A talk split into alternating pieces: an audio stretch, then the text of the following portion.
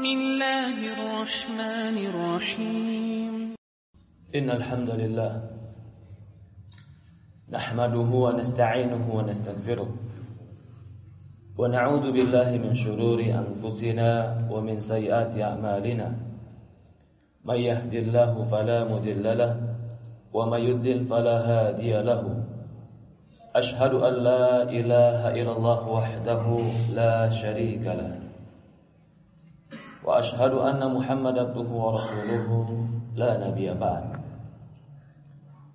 قال الله تعالى في كتابه الكريم يا أيها الذين آمنوا اتقوا الله حق تقاته فلا تموتن إلا وأنتم مسلمون. وقال الله سبحانه وتعالى يا أيها الذين آمنوا اتقوا الله وقولوا قولا سديدا. يصلح لكم أعمالكم ويغفر لكم ذنوبكم ومن يطع الله ورسوله فقد فاز فوزا عظيما. وقال الله سبحانه وتعالى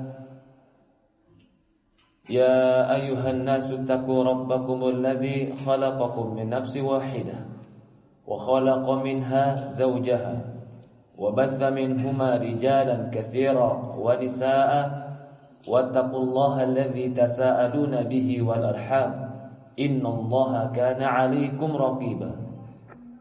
فإن أصدق الحديث كتاب الله وخير الهدي هدي نبينا محمد صلى الله عليه وعلى آله وصحبه وسلم.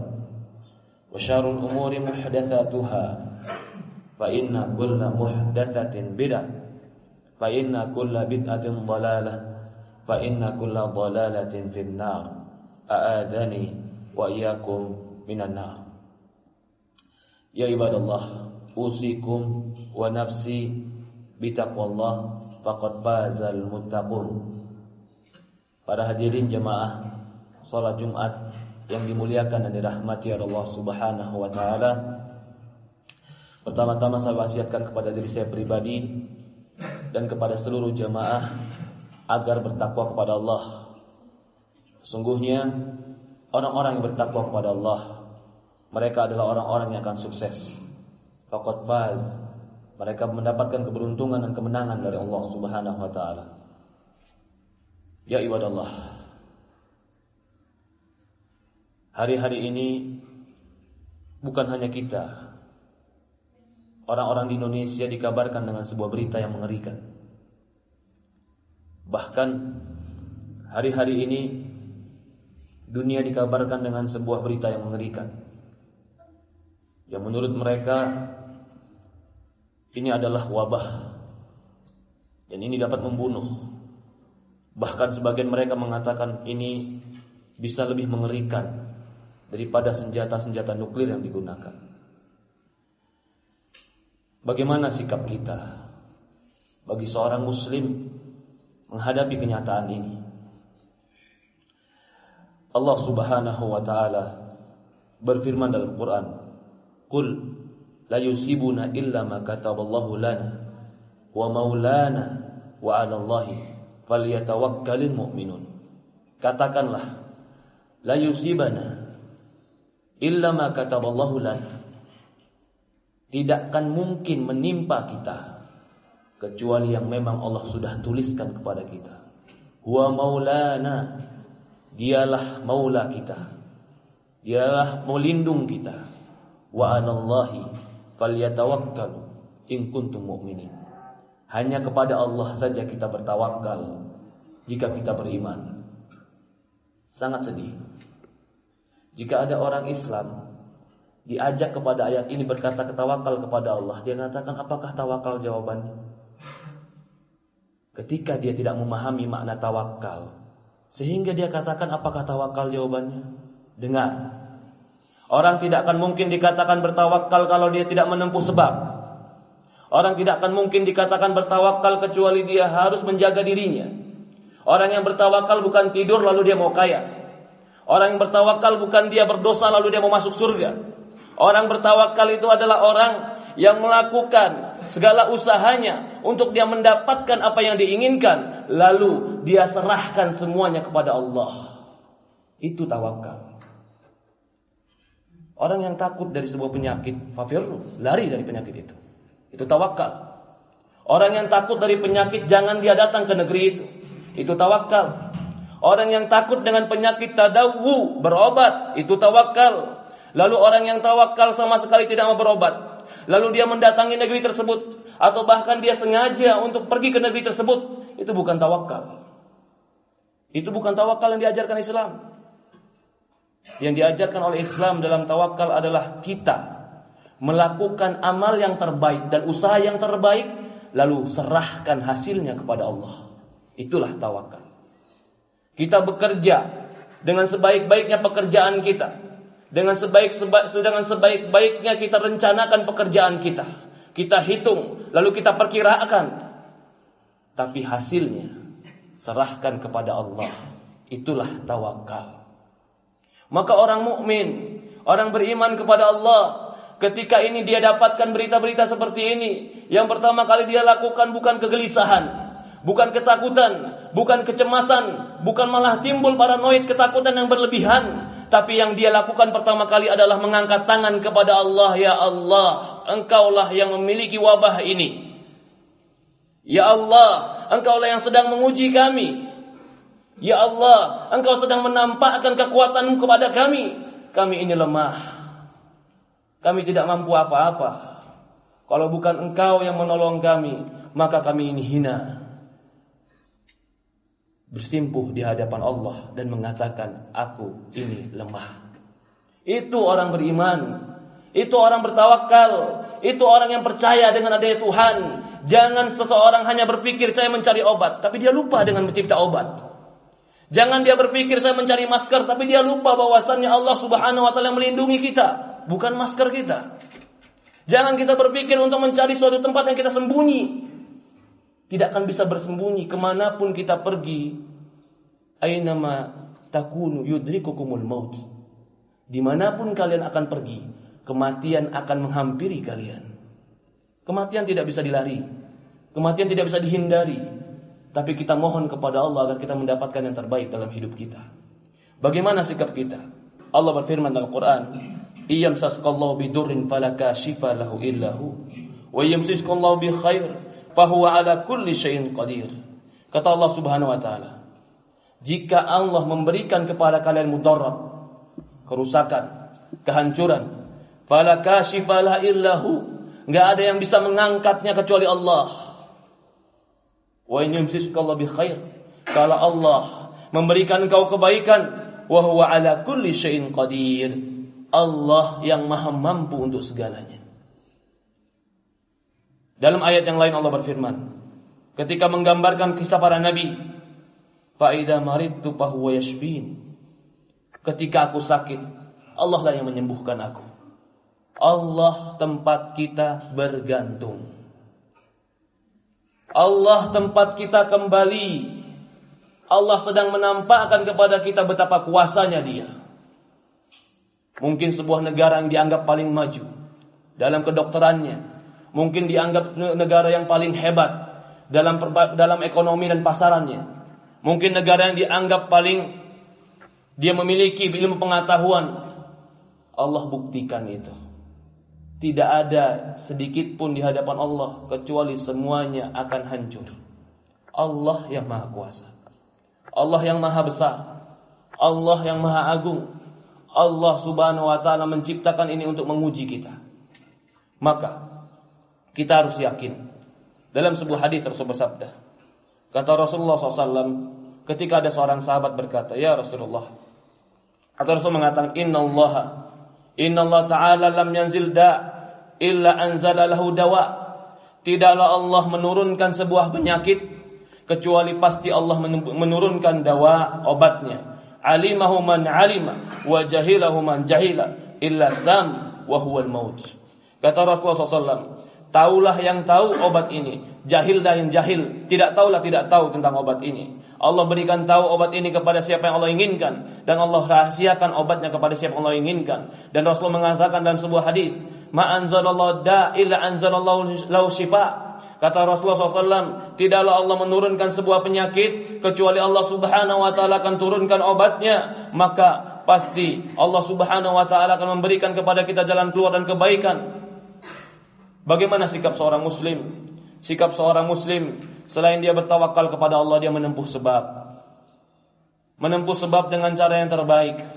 Di antara menempuh sebab yang diajar Rasulullah SAW. Dalam sebuah hadis kata Rasulullah SAW, "Fafirru minal majdum kama tafirru minal asad." Kata Rasulullah SAW, larilah kalian dari penyakit yang menular sebagaimana kalian lari dari harimau. Ketika ada penyakit menular pun, Jangan kita semata-mata mengatakan gara-gara penyakit ini saya mengena saya kena penyakit ini. Tidak. Rasulullah mengatakan la adwa wala tiara wala hamma wala safar. Kata Rasulullah SAW la adwa tidak ada penyakit yang menular. La hamma wala safar tidak ada burung hantu yang menyebabkan sial. Wala safar tidak ada bulan-bulan safar yang sial. Apa maksud Rasulullah mengatakan la adwa tidak ada penyakit menular? Sementara Rasulullah katakan tadi larilah kalian dari penyakit yang menular. Bagaimana kalian larinya dari harimau? Maksud Rasulullah SAW adalah tidak ada penyakit itu menular dengan sendirinya. Semuanya dengan takdir Allah, semuanya dengan sebab, semuanya dengan sebuah akibat dan sebab yang ada. Maka jangan kita beranggapan itu dikarenakan hanya sekedar penyakitnya saja. Tapi memang Allah Subhanahu wa taala menghendaki itu bagi kaum muslimin. Apa sikap kaum muslimin ketika tertimpa penyakit? Ketahuilah, ma min muslimin min hazanin wala ghammin wala syau'ata syauka illa kafarallahu bi. Tidaklah menimpa seorang muslim dari kesedihannya, dari kegundahannya sampai duri yang menusuk kakinya illa kafarallahu bi. Kecuali Allah akan gugurkan dosanya. Tidak ada dos, tidak ada penyakit yang menimpa seorang muslim walaupun duri yang menusuk kakinya. Allah Subhanahu wa taala akan gugurkan dosa-dosanya. Bahkan dalam sebuah hadis Rasulullah mengatakan bahwasannya penyakit panas itu yang memanas dalam tubuh yang di antara kulit dan di antara daging kata Rasulullah SAW itu membakar dosa-dosa mengangkat derajat kita. Maka bagi seorang muslim yang sabar seorang muslim yang bersyukur ketika dia mendapatkan penyakit dia akan digugurkan dosanya oleh Allah Subhanahu wa taala. Wa ma asabaka lam yakun li wa ma akhta'aka lam yakun li Kata Rasulullah SAW, apa yang akan menimpamu tidak akan pernah salah dan tidak akan pernah meleset. Dan apa yang tidak akan mungkin menimpamu, tidak akan bisa menimpamu dan tidak akan ada bisa menimpamu. Allah yang melindungi kita. Ya ibadallah, para hadirin jemaah salat Jumat yang dimuliakan dan dirahmati Allah Subhanahu wa taala. Maka yang harus pertama kali kita lakukan adalah selain kita bertawakal, berusaha menghindar dari tempat-tempat penyakit, atau kita menjauh dari negeri-negeri yang berpenyakit. Kita mendekat diri kepada Allah Subhanahu wa taala. Tidaklah Allah Subhanahu wa taala menghancurkan satu kaum dikarenakan Allah zalim kepada mereka, tidak. Tapi Allah menghancurkan satu kaum dikarenakan Allah Subhanahu wa taala memberikan hukuman kepada mereka. Allah Subhanahu wa taala mengatakan, "Wa ma kana rabbuka limuhlikal qura bidzalmin ahliha muslihun." Allah tidak akan mungkin menghancurkan satu kota. Atau Allah tidak akan mungkin menghancurkan satu desa dengan kezaliman sementara penduduknya muslihun, orang-orang berbuat baik. Jika kita berbuat baik, menegakkan salat, bertobat kepada Allah, meninggalkan perzinahan, memakan yang halal, menjauhkan yang haram dan terus menjaga hubungan kita dengan Allah, Allah Subhanahu wa taala akan menjaga kita. Kalau seandainya kita tetap tertimpa penyakit itu, maka kata Rasulullah SAW, At-ta'un likulli muslimin syahadah. Kata Rasulullah SAW, penyakit ta'un, itu penyakit menular di zaman Rasulullah. Siapa yang tertimpa penyakit ta'un, maka syahadat likulli muslim, maka orang yang mati kena penyakit ta'un menjadi syahadah. Menjadi syahid bagi dia ketika dia mati. Menjadi syahid bagi dia dia mati ketika dia takwa kepada Allah, ketika dia mendekat diri kepada Allah, ketika dia tobat kepada Allah, maka penyakit yang menyebabkan dia meninggal tadi seperti taun atau wabah yang lainnya syahadatan lahu syahid syahid bagi dia. Sekarang sudah tidak ada perang. Tapi Allah berikan jalan yang lain untuk kita bisa menjadi syahid. Bukan berarti kita berharap untuk mendapatkan itu. Tapi kaum muslimin tidak pernah menjadi takut yang berlebihan bagaikan orang-orang paranoid. Orang muslim tidak akan menjadi orang-orang menjadi penakut sehingga sebagian mereka tidak mau pergi ke pasar. sebagian mereka tidak mau pergi ke kantor, sebagian mereka tidak mau pergi ke masjid. Kalau seandainya pemerintah kita telah mengatakan di libur kantor, baru kita mengikutinya. Tapi kalau pemerintah kita sekarang yang menjaga kita, mereka bertanggung jawab terhadap kehidupan kita, masih mengatakan kita dalam keadaan aman, jangan kaum muslimin terbawa dengan berita-berita yang terkadang hanya membuat kita rusuh. Hanya membuat kita cemas, tapi tidak memberikan solusi kepada kita bahkan menyebabkan kita saling curiga di antara kaum muslimin.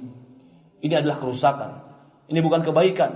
Kita harus banyak kembali kepada Allah Subhanahu wa taala. Barakallahu lakum fil Qur'anil Karim wa nafa'ani wa iyyakum bima fihi minal ayati wa dzikril hakim wa taqabbalallahu minni wa minkum tilawatu wastaghfiru innahu huwal ghafurur rahim. Alhamdulillah. والصلاة والسلام على أشرف أنبياء المرسلين على نبينا وسيدنا محمد صلى الله عليه وعلى آله وصحبه وسلم Para hadirin jamaah salat Jumat yang dimuliakan dan dirahmati oleh Allah Subhanahu wa taala. Orang yang takut dengan penyakit dan wabah itu suatu manusiawi. Dan itu sesuatu yang Memang Allah takdirkan bahwa manusia seperti itu dan itu pun dibenarkan oleh Islam dan kita menjauh dari sumber penyakit tadi. Tetapi Islam mengajarkan kita ketika kita telah terkena qadarullah, Allah takdirkan terkena, maka itu mengangkat dosa, menggugurkan dosa, bahkan barang siapa yang mati dalam keadaan kena wabah penyakit itu sementara dia tetap takwa kepada Allah, tetap sabar kepada Allah, lisannya tetap memuji Allah, maka menjadi menjadi syahadah, menjadi syahid bagi dia. Ada yang lebih parah, ada yang lebih mengkhawatirkan kita daripada itu. Ketika kita mati karena corona, tapi kita tetap dalam keadaan takwa, kita menjadi saksi, menjadi syahid. Tapi bagaimana ketika kita mati dalam keadaan maksiat? Bagaimana ketika kita mati dalam keadaan syirik kepada Allah? Bagaimana ketika kita mati dalam keadaan minum khamr, mabuk? Bagaimana ketika kita mati ternyata kita mati di tempat-tempat yang dihinakan oleh Allah? Bukankah itu lebih mengerikan lagi? Bukankah itu lebih menghinakan lagi? Bukankah itu lebih menakutkan lagi? Ketika ternyata kita mati tidak mengucapkan la ilaha illallah. Ternyata kita mati dalam keadaan di tangan kita sedang memegang botol minuman la ilaha illallah. Mana yang lebih bahaya? Mati dalam kena, kena penyakit corona tapi mengucapkan la ilaha illallah atau mati dalam keadaan memegang botol minuman dan tidak ingat kepada Allah sama sekali. Orang yang mati dalam keadaan corona, tapi dia ikhlas sabar kepada Allah. Kata Rasulullah surga syahid bagi dia, syahid bagi dia. Tapi orang yang maksiat, yang tidak sholat, yang dia lupa kepada Allah, bahkan dia melakukan kesyirikan, apa yang dia dapatkan? Inna Allah la yakfiru ayushraka bihi wa yakfiru ma duna yasha. Allah berfirman, sesungguhnya Allah tidak mengampuni dosa syirik dan mengampuni dosa selain syirik. Dosa kesyirikan dosa yang paling besar. Wabah kesyirikan wabah yang paling mengerikan. Maka wajib bagi kita mempelajari dan terus berada di atas agama Islam ini. Terus di atas ketaatan kepada Allah. Terus di atas kesabaran untuk meninggalkan yang haram. Terus untuk melatih diri kita menjadi orang yang lebih baik dan bertobat kepada Allah Subhanahu wa taala. Semoga Allah Subhanahu wa taala matikan kita dalam husnul khatimah Semoga Allah Subhanahu wa taala mengangkat derajat kita di dunia dan di akhirat. Semoga Allah Subhanahu wa taala melindungi kita dari wabah-wabah yang kita takuti. Semoga Allah melindungi keluarga kita, melindungi anak kita, melindungi kaum muslimin. Semoga Allah Subhanahu wa taala juga memberikan kebaikan kepada kaum muslimin yang yang mereka membantu agama-agama Allah. Semoga Allah juga memberikan kebaikan kepada kaum muslimin yang telah membantu untuk membangunkan masjid ini, untuk membantu menyebarkan Islam, untuk membantu agama Allah Subhanahu wa taala. Allahumma ighfir lana wa liwalidayna warhamhuma kama rabbayani shaghira. Allahumma shalli ala Muhammad wa ala Muhammad kama shallaita Ibrahim ala Ibrahim innaka Hamidul Majid. Allahumma barik ala Muhammad wa ala Muhammad kama barakta ala Ibrahim innaka Hamidul Majid. Allahumma na'udzu bika min munkari akhlaqi wa ahwa'i wa adwa. لا إله إلا أنت نستغفرك ونتوب إليك. ربنا آتنا في الدنيا حسنة وفي الآخرة حسنة وقنا عذاب النار. والحمد لله رب العالمين.